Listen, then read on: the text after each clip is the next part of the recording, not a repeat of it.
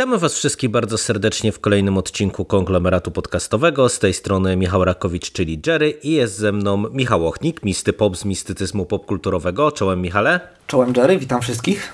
Zgodnie z zapowiedzią e, spotykamy się ponownie przy okazji komiksu autorstwa Donego Catesa, który odpowiada w tymże albumie za scenariusz niezmiennie, e, czyli będziemy rozmawiać sobie dzisiaj o Venomie, konkretnie o czwartym tomie tejże serii no, który chyba kończy, no nie chyba, na pewno kończy nam już tę długą grę wstępną, bo jest to takie ostateczne preludium, ostateczne budowanie, rozkładanie pionków na szachownicy przed zwieńczeniem e, pewnym tej serii, czyli przed Królem w Czerni, o którym to komiksie będziemy rozmawiać wkrótce.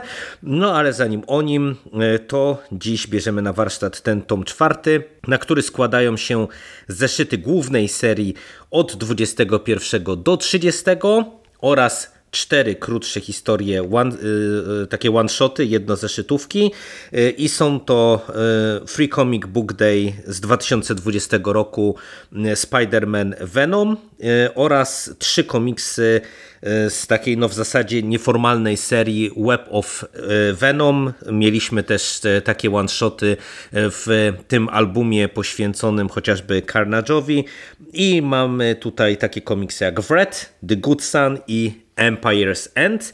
No i my sobie przez te wszystkie historie mm, przejdziemy, tym bardziej, że też te główne e, zeszyty, te, ta, ta główna seria jest podzielona tak naprawdę na dwa dosyć konkretne arki fabularne. E, no i żeby nie przedłużać, e, przejdźmy do pierwszego zeszytu, e, który jest zatytułowany Web of Venom Wrath, czyli zjawa. No i od razu Michale oddaję Ci głos, bo ja wiem po naszych już rozmowach wieloletnich, że to jest jedna z Twoich ulubionych postaci w uniwersum Marvela. No i co tutaj otrzymujemy i jak Ci się ten one-shot podoba? Okej, okay, z tą ulubioną postacią to jest trochę jednak przesada. Ja po prostu mam pewną znaczy żywię pewną sympatię do tego bohatera, bo on jest, y, on zadebiutował dawno temu w Annihilation Conquest. Nie wiem, czy omawialiśmy, nie pamiętam już. Pamiętam, tak, że tak, omawialiśmy tak. oryginalny mhm. Annihilation. Też, też. I on został tak wrzucony jako taki y, throwback, jako y, taki hołd złożony latom 90. w komiksach, czyli wiesz, tej że wszystko było mroczne, ponure i bardzo takie emocjonalne, negatywnie i Rave był właśnie, czyli zjawa był właśnie tego typu postacią. Problem polegał na tym, że on był tylko taką postacią i niewiele poza tym, co sprawiło, że y, ówcześni czytelnicy raczej niespecjalnie go polubili, więc y, on się nie pojawiał zbyt często i dopiero chyba powrócił wtedy, kiedy Cates y, zyskał trochę większą popularność w Marvelu, bo Cates, jak się okazuje, jest chyba fanem tej postaci. Z tego co wiem, ona przewijała się w, w części komiksów, które pisał mhm. i tutaj znalazła swój, powiedzmy, punkt kulminacyjny, ponieważ okazuje się, że Rave jest powiązany z całą tą mitologią Nula i Venoma i e, jego historia zostaje rozbudowana i to jest ciekawy komiks. Znaczy ciekawy. Nie wiedziałem czego się spodziewać, yy, bo no ciężko powiedzieć co z tą postacią można zrobić, skoro ona jest takim edgelordem, który po prostu się tam tułał trochę po yy, marginesach uniwersum i nagle zostaje wrzucona tutaj. Yy, od razu muszę zaznaczyć, że uwielbiam to, jak ten komiks jest narysowany ma, yy, i pokolorowany, mhm. bo to mhm. jest naprawdę silne combo, jeśli chodzi o ten zeszyt. E, wszystko jest naprawdę takie mocne, e, agresywne, ale jednocześnie zrobione tak e, z detalami i z taktem i z wyczuciem właśnie z taką fajną komiksową reżyserią. Sam komiks jest taką trochę grecką tragedią, w której główny bohater właśnie staje naprzeciwko swojemu przeznaczeniu i poświęca się i to poświęcenie idzie na marne trochę. Więc jest bardzo emocjonalny i bardzo mi się właśnie to podoba, że, że są takie żywe emocje, trochę jak z lat 90., y, ale y, też jest na tyle dobrze napisane, że to działa, to działa w pozytywny sposób i mi się bardzo podoba y, właśnie ten taki wstęp do całego komiksu. On troszkę jednocześnie powiększa skalę tych wydarzeń, na razie skala jest tak trochę scentrowana na ziemi, a tutaj właśnie pokazuje, że Nul jest tą postacią, która, no, której macki sięgają znacznie szerzej. To jest super, bardzo mi się podoba ten, y, ten wstęp. On mnie bardzo pozytywnie nastroił na cały, y, na cały ten tom. No ja y, powiem Ci, że jak otworzyłem ten komiks, to się trochę zaskoczyłem, że dostajemy właśnie one shot poświęcony tej postaci na początek. Tym bardziej, że ja teraz nie byłem w stanie sobie skojarzyć, a przyznam szczerze, że y, nie sprawdziłem tego, czy my tego, y, no, tego zjawę, tę postać dostaliśmy w poprzednim Venomie, czy on się pojawiał u Catesa w Strażnikach Galaktyki, bo wydaje mi się, że raczej ta opcja jest... Y, on się w Strażnikach, pojawiał w Strażnikach Galaktyki, w pierwszym tomie on się pojawił na jednym z monitorów Makera. Mhm. Miał takie cameo małe. No właśnie i tak mi się kojarzyło, że on się w tych Strażnikach Galaktyki pojawiał, bo tam ja właśnie kojarzyłem ten wątek, y, y, że on y, zaczyna takie prywatne śledztwo w kontekście tego swojego pochodzenia. Mm, no i tutaj dostajemy zwieńczenie tego wątku, nie? No bo to, co też sygnalizujesz, no mamy tutaj zjawę, który no, dowiaduje się tak naprawdę o swojej przeszłości, o swoim pochodzeniu i, i dowiaduje się, a my razem z nim, e, że gdzieś tam jest zakorzeniony w tej e, mitologii nula i symbiontów. I to jest e, przyznam, ciekawe podejście, bo ja się tego nie spodziewałem, nie wiedziałem, wiesz, do czego to będzie zmierzać, e, nie wiedziałem, jak e, Donny Cates będzie chciał tę postać zaimplementować, jakie ona będzie miała znaczenie.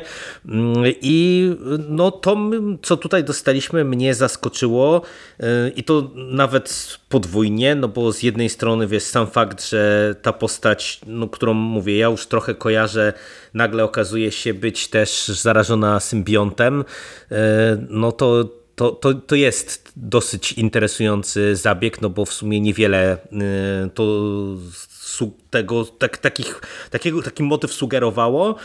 No a z drugiej strony no sam los y, postaci jest taki bardzo niejednoznaczny, no bo y, wydaje się, że to jest rozstanie z tą postacią, ale no nie wiem w sumie do końca jak to czytać, a do tego jeszcze mamy podprowadzenie mm, pod y, pewien wątek na przyszłość, no bo zjawa też jest takim posłańcem, który ma jakiś wrzucić taki kamyczek, sugestie co do tego, jak nula można pokonać. No i, i w sumie jestem bardzo ciekaw y, co z tego wróci, co z tego wróci w tej serii, co z tego wróci w przyszłości, że tak powiem, czy ktoś podejmie jeszcze wątek właśnie zjawy jako postaci. Mhm.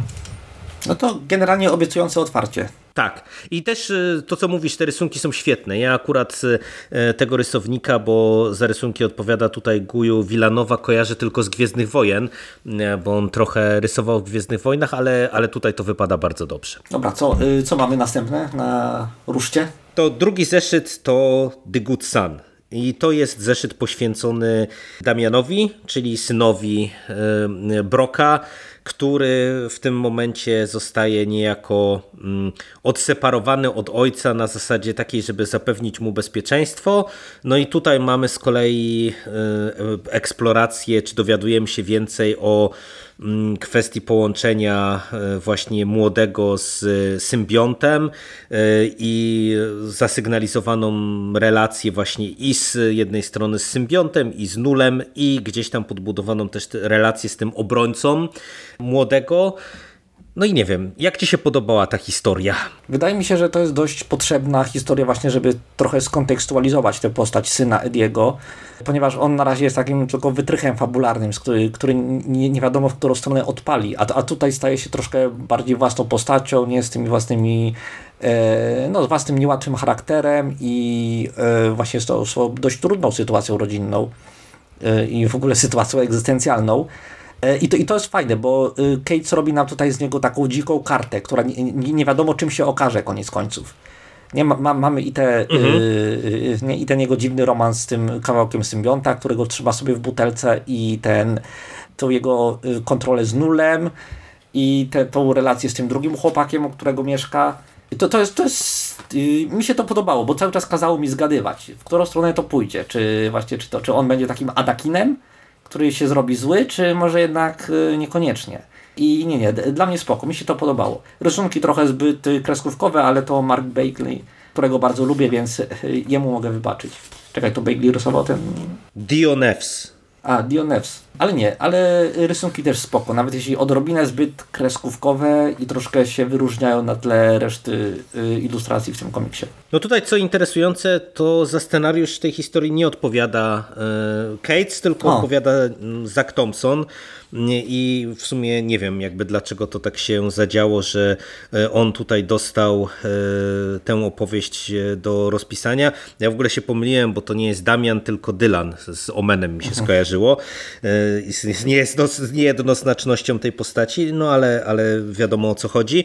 I ja się w sumie podpisuję pod tym, co mówisz, że to jest dosyć istotna historia i jak mocno jest istotna, to my widzimy już częściowo mm, w tym tomie, w tych dalszych y, zeszytach i wydaje mi się, że to też dlatego y, to było tak istotne, żeby gdzieś tam trochę to nas podprowadzić, chociaż y, ja przyznam się otwarcie, że nie jestem jakimś wielkim fanem tego motywu i, i tego, że nagle Dylan staje się być jakimś takim właśnie czymś ekstra, nie? No bo to w sumie on tutaj wyrasta na jakiegoś bardzo ważnego potencjalnie gracza i to ważnego potencjalnie gracza dla wszystkich stron mm, tego konfliktu nadchodzącego. I, I na razie ja będę ostrożny w ocenie, bo no mówię, nie jestem fanem tego rozwiązania, ale zobaczymy, co Cates chce z tym zrobić. No tak czy siak, wydaje mi się, że mówię, dla kontekstu Mm, to jest y, ważny zeszyt.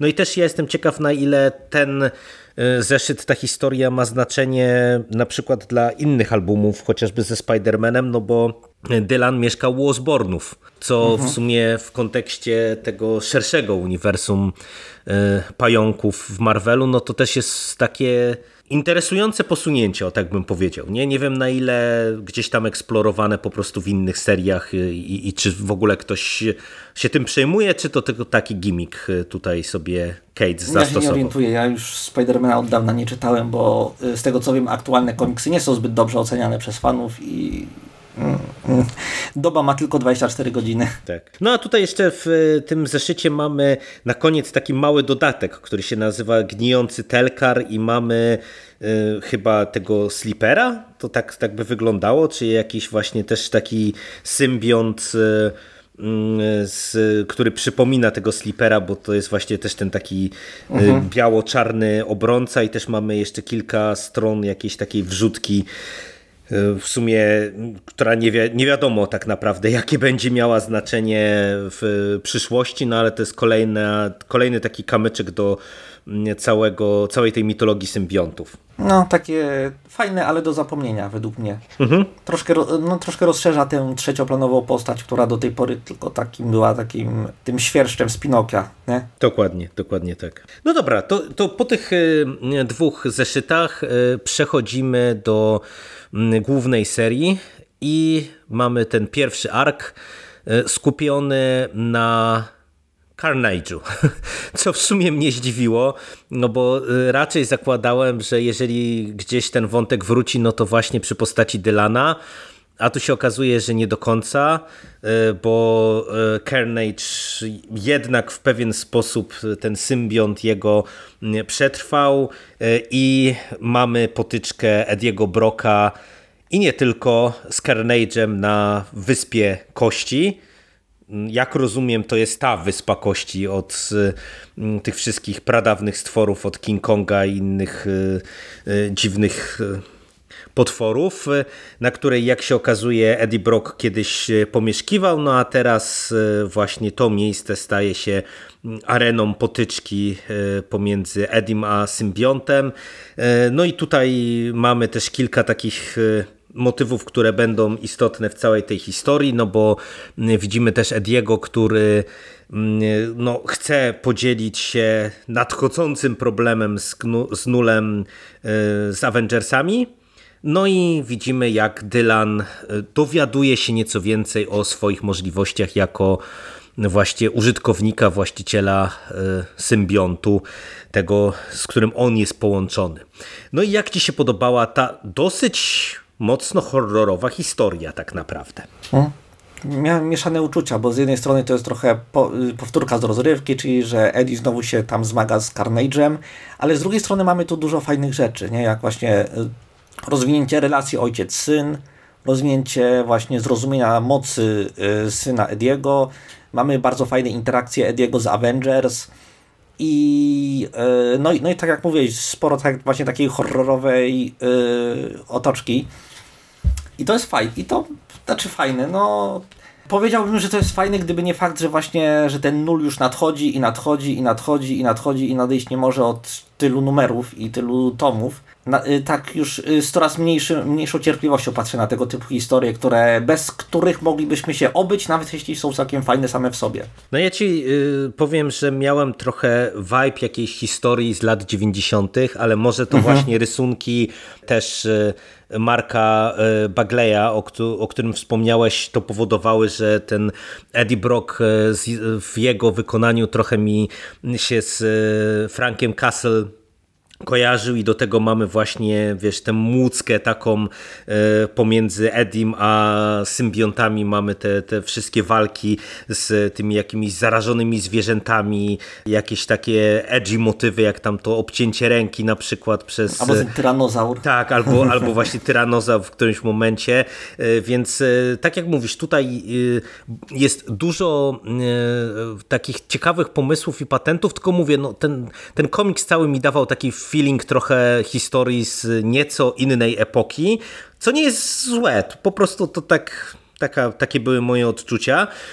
Przy czym y, no, ja się zgadzam z tym, co mówisz, że no, niestety, ale to się tyczy tak naprawdę całego tego albumu. No, to jest kolejny wypełniacz. Kolejny wypełniacz, który mm, jest y, pewnie potrzebny, no bo właśnie tutaj mamy wiele motywów, które stają się takim ziarenkiem, z którego później coś wykiełkuje, no bo właśnie mamy dalsze rozwinięcie wątku Dylana i z tego punktu widzenia też ja mówiłem, że te, ten one shot on był dosyć istotny, no bo bez tego byśmy nie mieli w zasadzie kontekstu, nie? bo nagle byśmy widzieli mm, Dylana operującego symbiontem i, i, to by było dziwne, a tak już wiemy y, z czego to się bierze. Ale to dało się przeprowadzić inaczej No dałoby się pewnie, tak.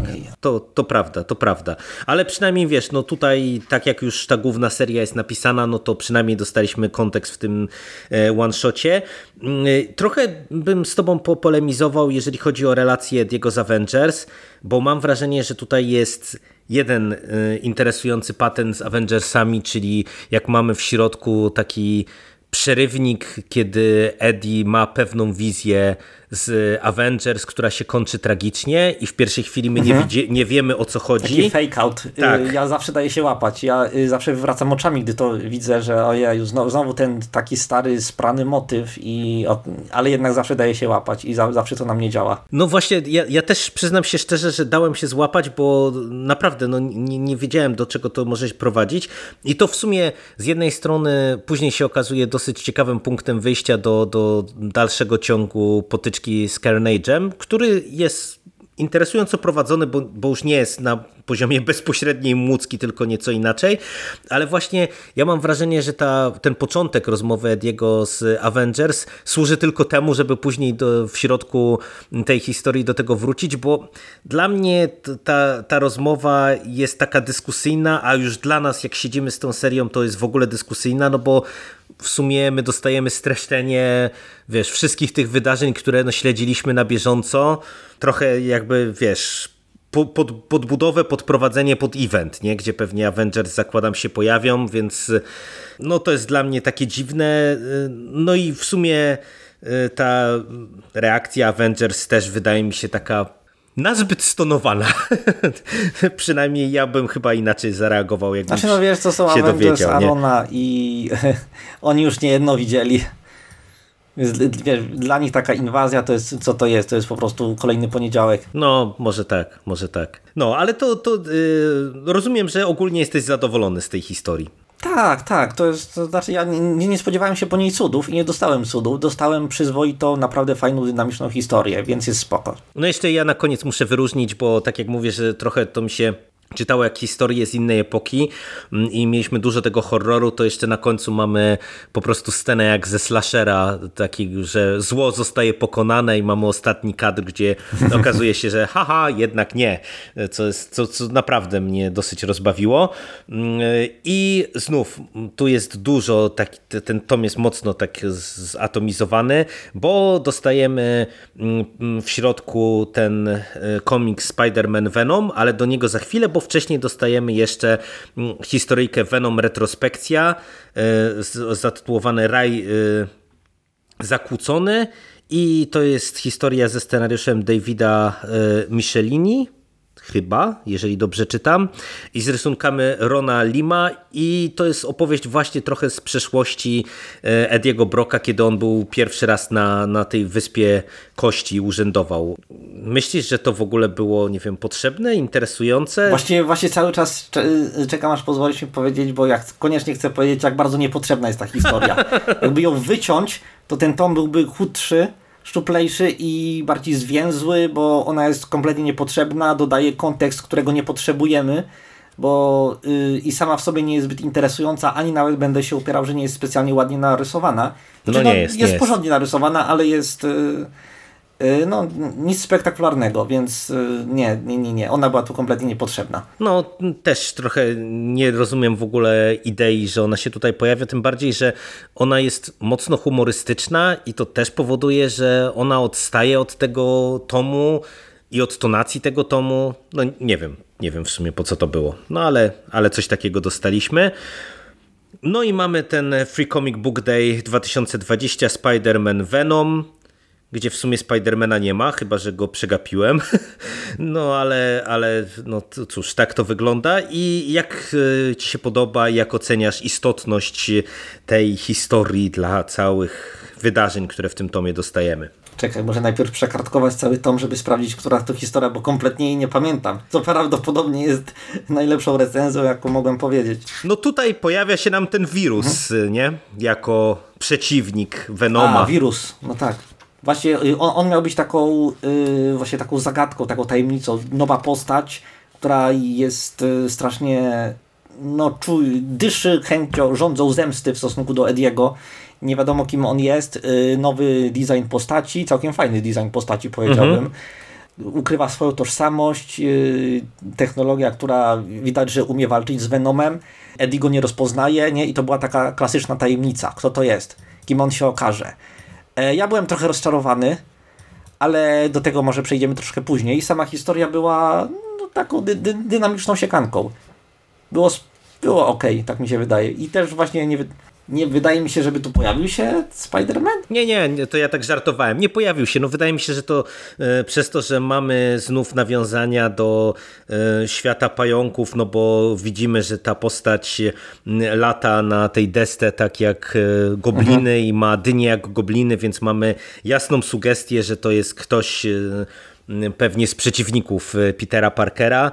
E, no i ja się zgadzam, no to, to jest taka no, króciutka historyjka, która ma nam wprowadzić tego wirusa, który będzie jednym z przeciwników e, przynajmniej na początku tego drugiego arku w Venomie, więc no, ja rozumiem po co mhm. jest to w tym tomie, ale w zasadzie jakbym miał coś wyróżnić, to tylko właśnie ten design postaci, no, o którym ty mówisz. Bo, bo reszta no to taka młódzka i tyle. No szkoda, że się troszkę zmarnował ten design, ale to no dobra, no, no przejdźmy do tego drugiego arku, który Znowu Cates nie może powstrzymać się przed pisaniem Makera, bo to jest jego, widać, że to jest jego ukochana postać i jeśli tylko da się go jakoś wcisnąć, to go wciśnie i go wcisnął. I e, co się z tego wciśnięcia narodziło? No właśnie, no jak, jak to oceniasz? Jak ci się podoba właśnie to ciągnięcie wątku Makera, no bo on tu odpowiada w zasadzie za no, podstawowy problem w tym arku, mm, czyli przeniesienie naszych bohaterów do innej ziemi, do innej rzeczywistości.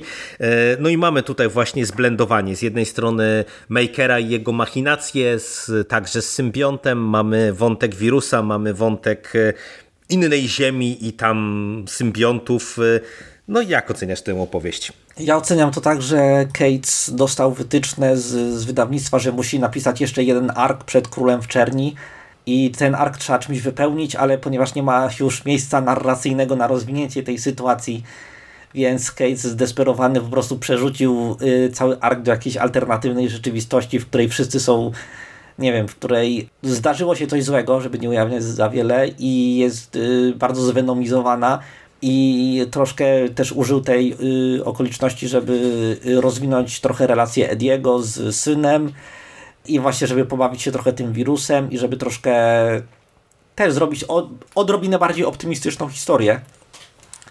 Więc yy, takie mam.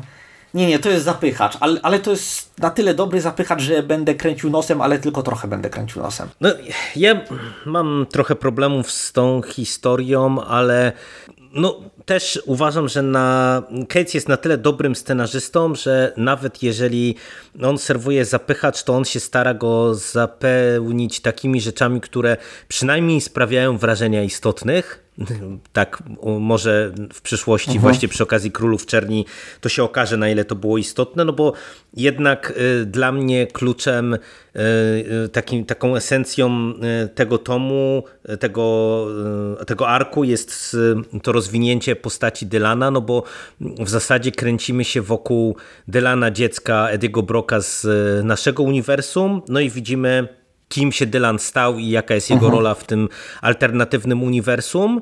No i to jest coś interesującego, no bo tu znów wchodzimy w ten kontekst, o którym ty mówiłeś wcześniej, nie? czyli że mamy Delana, który się staje takim asem i który nie wiadomo jeszcze, czy będzie asem dla postaci pozytywnych, czy dla właśnie inwazji nula? Właśnie te, ta rzeczywistość pozwoli nam zobaczyć, co się stanie, jak on będzie tym właśnie tą dziką kartą, która y, będzie grała przeciwko mhm. naszym bohaterom, bo właśnie mamy tu tę postać y, alternatywnego Dylana, czyli ten kodeks, tego kodeksa, y, któremu odwaliło i który właśnie stworzył tę y, dystopijną przyszłość, znaczy tę dystopijną rzeczywistość, w której Avengers są właśnie tymi y, zombie venomami czy czymś takim i to jest... Y, ja lubię alternatywne rzeczywistości, to jest jeden z moich ulubionych y, motywów w tego typu uniwersach jak Marvela, gdzie właśnie scenarzysta może po prostu zrobić dobra, robię to całkowicie po swojemu, nie muszę się przejmować y, właśnie chronologią, nie muszę się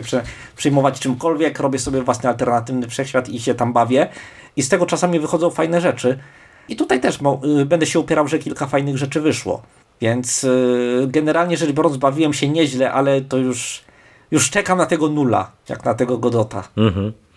No tutaj y, y, jest trochę fajnych patentów, bo e, przyznam się szczerze, że jak pierwszy raz widzimy tych Venom Avengers, którzy wyglądają jakby byli rysowani przez Roba Liefelda i urwali się z jakichś lat 90. E, mm, naprawdę takich zamierzchłych, to, to trochę śmiechłem, e, bo wydaje mi się, że to nie jest przypadkowe skojarzenie, tylko to jest taka celowa zagrywka, mm, ale ogólnie to ta, ta młódzka, no bo to, to jest taka młódzka, nie? Taki klasyczny wariant świata alternatywnego, gdzie po prostu mamy układ sił, źli wygrali, e, dobrzy e, są w jakimś podziemiu. No i tutaj trochę na tyle, na ile może Kate się bawi wariantami postaci, kto jest właśnie dobry, kto jest zły, jak e, się to przekłada na interakcje w poszczególnych frakcjach i tak dalej, i tak dalej.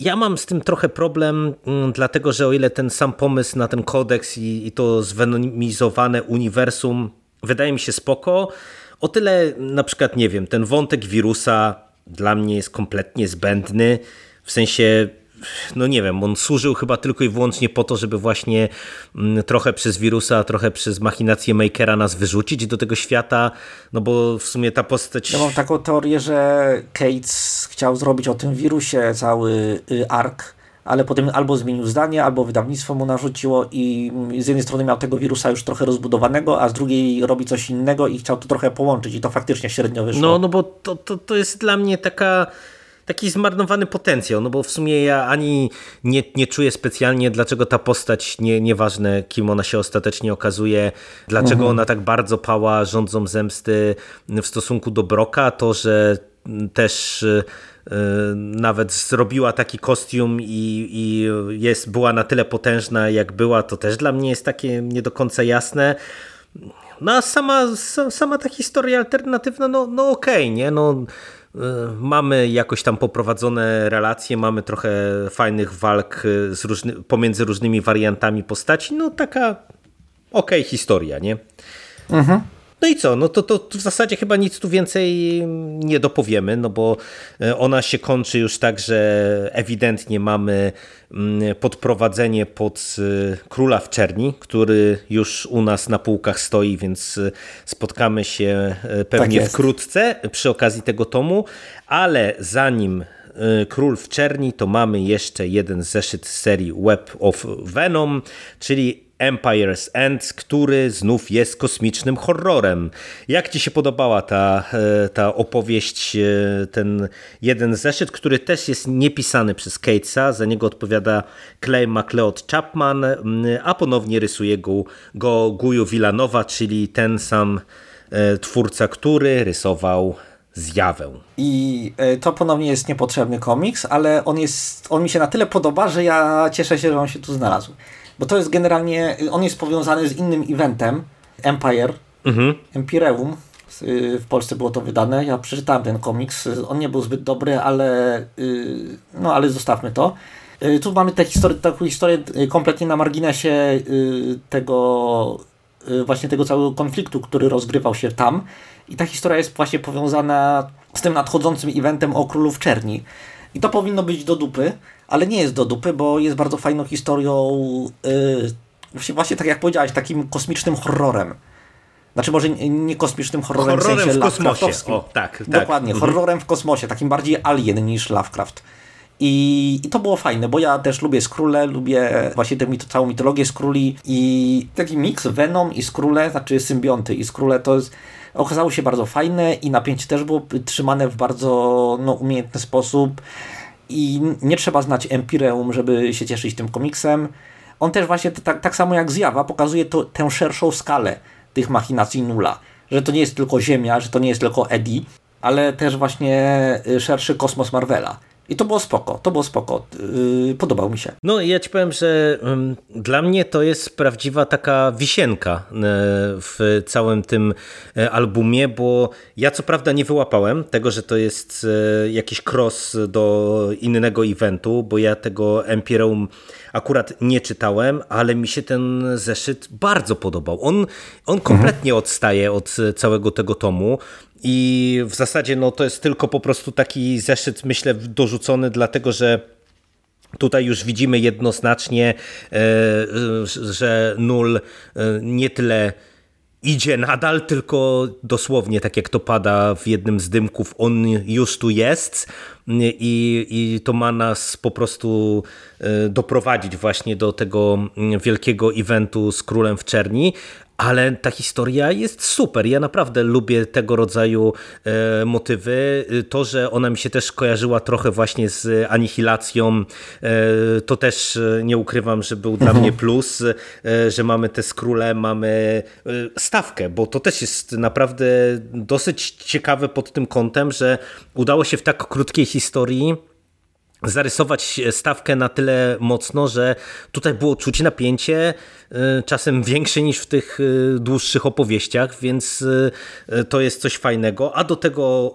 ten komiks jest znów dobrze narysowany. Tu są naprawdę fajne, takie horrorowe patenty, jak mamy ataki tych symbiontów kontrolowanych przez Nula, jakieś akcje w kosmosie, takie zarażenia nawet jakby całych statków, czy obejmowanie całych statków, i, i naprawdę no, to jest kilka takich kadrów super. I, I ten nul, który przez Villanowę jest rysowany w taki specyficzny sposób, bo on trochę wygląda jak jakiś wampir e, w zasadzie, taki demoniczny wampir i, i to jest super, naprawdę. Strasznie mi się podobał ten, ten jeden zeszyt i dla mnie to jest chyba w ogóle highlight e, całego tego czwartego mhm. tomu. Ja sobie właśnie y, googlam tego Chapmana mhm on okazuje się, że jest pisarzem horroru. Ja będę musiał sobie rzucić okiem na, na jakieś no jego książki. Ale y, Marvel go zatrudnił właśnie, on trochę pisał chyba coś z, Carnage, z Carnage'em też. E, ale nie, dobra, ale nie, nie, ja się zgadzam, absolutnie podpisuję się pod wszystkim, co powiedziałeś. To jest naprawdę bardzo fajny, dynamiczny, pełen napięcia komiks, który fajnie rysuje stawki i fajnie bawi się tymi elementami, które ma do dyspozycji. Więc yy, nie, zaskakująco dobry koniec tego całego tomu. No a jak oceniasz cały tom? No bo to już jest czwarty album e, zbiorczy, e, no idziemy tymi grubymi tomami, więc no naprawdę już mamy kawał tej opowieści za sobą. I, i jak oceniasz właśnie ten tom jako takie no, ostateczne podprowadzenie pod Króla w Czerni? To była dobra historia, czy raczej niepotrzebny zapełniacz, czy te elementy, które Cates tutaj, właśnie te pionki, które rozstawia na szachownicy, czynią cię optymistą co do głównego eventu, czy wprost przeciwnie? Znaczy, e, ja generalnie jestem optymistycznie nastawiony, bo znaczy widać, że Cates ma pomysł na całą tę historię i właśnie buduje y, troszkę tę szachownicę, żeby rozegrać na niej tę finałową partię.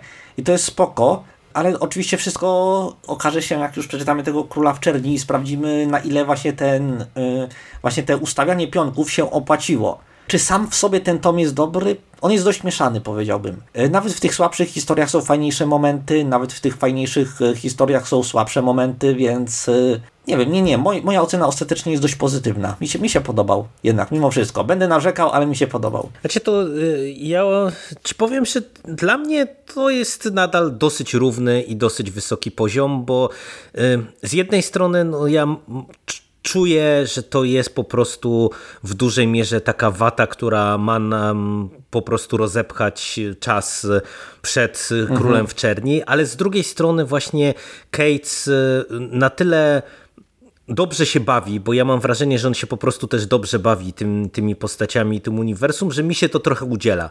I to, że te historie są takie no naprawdę, cały ten tom mi się wydaje taki trochę nie dzisiejszy, jak on by się przeniósł w czasie właśnie z lat 90. Ale to jest czarujące. Ja, ja będę się opierał, tak, to jest bardzo czarujące. Dokładnie mi się tak. To. Właśnie wiesz, bo to jak to jest dobrze zrobione, to to nie jest y, na zasadzie jakiegoś pastiszu y, i naigrywania się z tych lat 90., tylko mam wrażenie, że to jest akurat taki komiks, który czerpie trochę z tej estetyki, z tych pomysłów, nie wstydzi się właśnie takiej czasem powiedziałbym prostej akcji, ale, ale jeżeli to jest właśnie dobrze, kompetentnie napisane, rozpisane, mm, efektowne, no to ja jako czytelnik dobrze się bawię przy lekturze, no i tak było przy tym tomie. No mówię, trochę lepiej oceniam chyba ten, tę pierwszą opowieść, mm, ten pierwszy ark, y, no ale całościowo jestem bardzo ciekaw właśnie Aha. Mhm. jak sobie Cates poradzi z zamknięciem tego eventu, no i przede wszystkim jaki on tam ma dalej pomysł jeszcze na tę postać, nie? No, ja, ja tak samo. To jest, yy, znaczy ja uważam, że jest troszkę nierówny. Jest nierówny, te, no.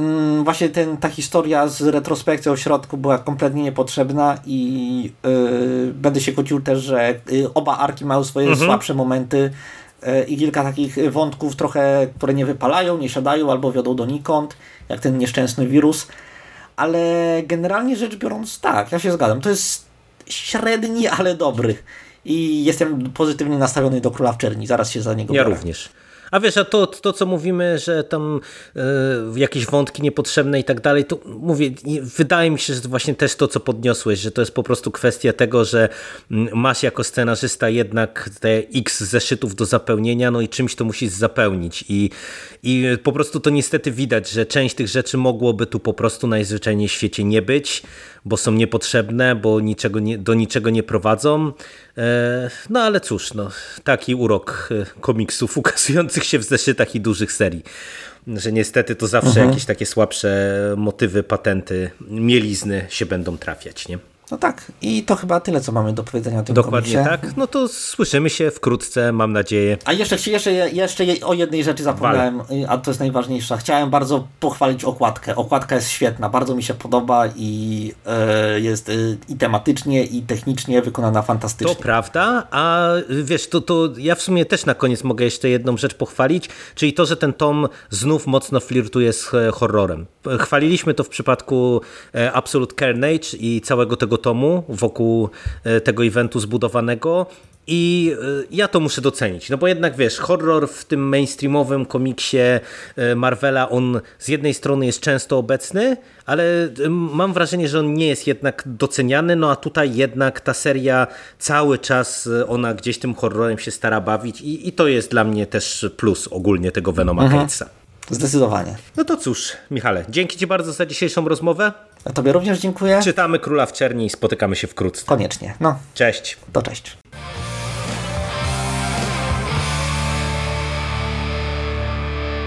You finished? That's it, man. Game over, man. It's game over. What the fuck are we gonna do now? What are we gonna do? It's over. Nothing is over! Nothing! You just don't turn it off!